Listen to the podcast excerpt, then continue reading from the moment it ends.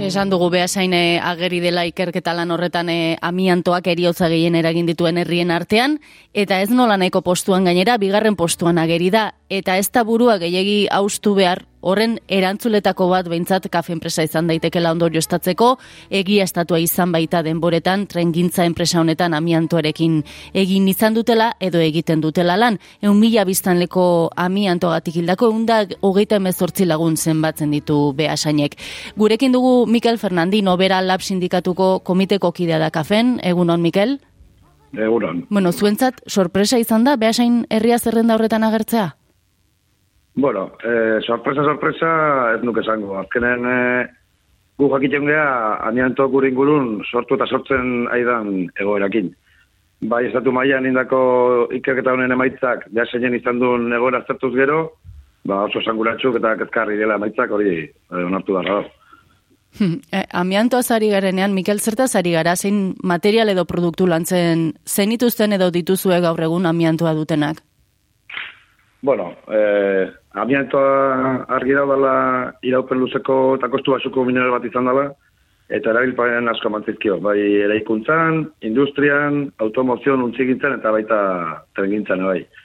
E, Irurogei garrena markadan, amiantoa mota batzun erabilpena debekatu zen, baina bini urte arte, eta amiantoa erabilpena erabat debekatu Espaini maian. Gure kasun, e, fabrikan, irurogei, irurogei tamar garrena markadan, amiantoa trenetako eslimendu bezala, erabili gendun, kegin bat montaje lanetan. Baina mantenimenduko lanetan, e, altairutegin eta forjatan eta baita erabiltzen zala, ba, badakiru. Esan bezala, 2000 eta urtetik aurrea debekatuta dago, eta manipulatzeko neurri berezik hartzen dien aurrea. Momentu ontan guk ez dugu erabiltzen e, amiantoik. Esatera ninduan amiantua azken aspaldiko laguna duzuela, behar bada etxaia esatea hobe, etxaia duzuela kafen, zein arrasto gutzi du amiantoak zuen enpresan? Bueno, ba, kafen dauneko eh, amianto fibrak arrastegatik eh, irrogeita pertsona hil dira.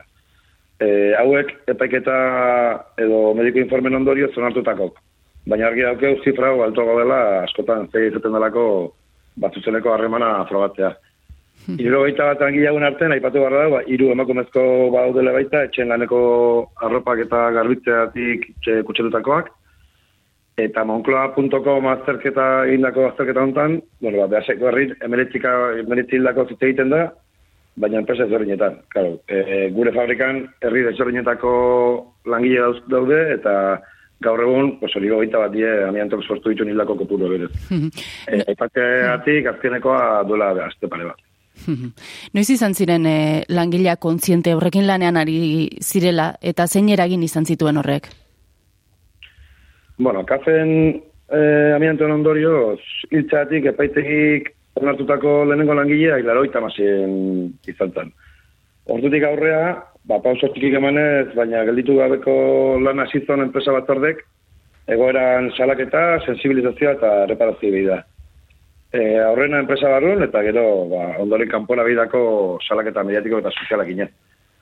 Gaur egun, bide jarraitzen dugu, baina esan behar da, oraino gehi urte inguru, prebentzio delegatu haiek azitako lan nahi esker, ba, Anton inguruko ezagutza eta gaiakiko sensibilidadea oso alto dela kazeko lan ginen arten. Azken finen, kanpon guk oso eguneroko eta zuen daukegu, eta gero jendeko, ba, ez du, ez du, ez du, barruko lan ginen e, e, eta zintzuk izan dira berez, em, amiantoaren erabilpen hori baldintzatzeko edo mugatzeko eman dituzuen pausoak, ze pausoak eman eman dituzue, okerez bagaude protokol lantzeko bat edo jarraitzen du, jarritu behar duzu ez, langileek?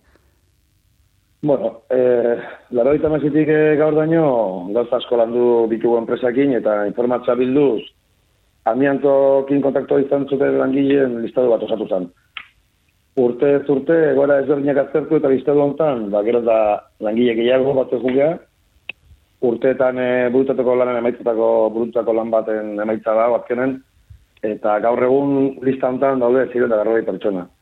E, bertan, zozen daritzak e, onartutako eta mianton fibra hauek arnastu ahal izan dituzten, arnastu dituzten e, langileak azaltzen dira. Lista hontan, sartzea lortu ditugu langilei, urtero osasun arrebizio bat jentzaie, e, enpresan bertan, eta gero jubilatzen diren kafetik kanpore, ba, osakidetza jarraitzen dute errebizio hauek e, egiten. Gaur egon handik e, jarraitzen dugu enpresai e, eskatzen jende gehiago sartzeko, eta dibidez, ba, hemen laro gaita marren behasainen e, egontzak kazkabarre potente bat, eta ba, fabrikazko, fabrika ontako eta beste fabrikaskotako, pentsatzen dut bat, teiatu beak e, aportu ziren, eta orduan gau garbiketetan da parte datu langile horiek, eta garbiketa egin ez zuten bitarten, inguru zintzen langileek, eta pixkate, kristaiotan sartzeko eskaerak inek dut. Azkenen, goera berrik elteatzen gara momentu bakoitzen, ba, zeiatek gara pixkate, jende hori listan sartzeko. bueno, pentsaro, e, bai, ez egin. aparte, bai, e, fabrikako instalazioetan, amiantoa dauden gunek markatzen ditu mapa dauko binda baita, jakiteko pixkat identifikatzeko zegunetan gelditzen dien e, instalazioetan handik amianto, amiantoa, eta enpresekin batera, ba, e, dauko planin bat inda, e, desamiantado planin bat, urtero, zuten gara bizkata, bai, bajantek, teiatuk, eta bizkate, eske, kenduz. Fabrikatik kanpore, e, ikusi daike, guet, gaur egun, e, askotan, e, amiantoa gaula, ba, fabrikatan, baratzetan, eta udalek olako azterketa egitea behartzen dituen legal badago, nik uste guzku komentatu dula, e, eh, azbiamiek de orentxe deialdi bat egin du, e, udaletxetan e, zio mozio bat aurkezteko, eta mm. beha zeinen konkretuki, uste hontan izango da martxoak bi, atxaldeko zazpitan, aurkeztuko dute mozioa, bizkat, udaleriek, oso udaletxek hartzeko bizkat ardura hori, eta amiantoa instalazio poligoratik eta kelteko. bueno, biztan da langileak egontzaretela egora honen salaketaren abanguardian ero, baina zein izan da edo orain arte eta zein izan da batez ere gaur egun enpresaren eh, jarrera amiantoarekiko? Bueno, ba horrez esan dako naria behartuta. E, gaur, gaur ezin du erraitate datan zerbait izkuta hau, baina beraz beti sindikatuk kiraka atera bada ere, ba, erdi konstruktibo, oza, erdi konstruktibo bat hartzera behartza ikusi dira azkenan.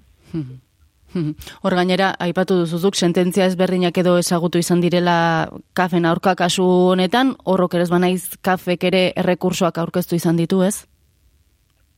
Bai, bueno, eh, hori kafeko zuta izai bat galetzeko gauzari azkenen eh, guk ez daki guzti hor, baina esango genuke automatiko, automatikoki bere abokatu feterik errekurtsoa bideratzen duen, eta ateratzen den, osea, kafen onarpenakin aiera urte garbitzeko pixka, eta martxak hartzen du, eta jarrera nahiko ikizu eta tama garrera, jarrera mhm. kasu egiten. Mhm. Badakigu, azkeren bideratzen diela e, hau, kostata, baina... Mhm. Asbiamiako Jesus Uzkudunekin gogoratu dugu e, nola orain hilabete gutxi, amiantoren e, biktimak laguntzeko funtsa ere sortu zen, zer iruditzen zaizue hau? Bueno, hau da, pauso garrantitu bat da, argi daukeu, e, borrokantan murgildutan gara baita kafeko langileok urte askotan, eta uste du guztion borrokan emaitza, dela gaur gaurko konpentsazio funtsau letra txikia zautu indarra da indikan, eta balazio goki bat itxeko, zer indikan pixkat e, gestionatzeko da gauden eta.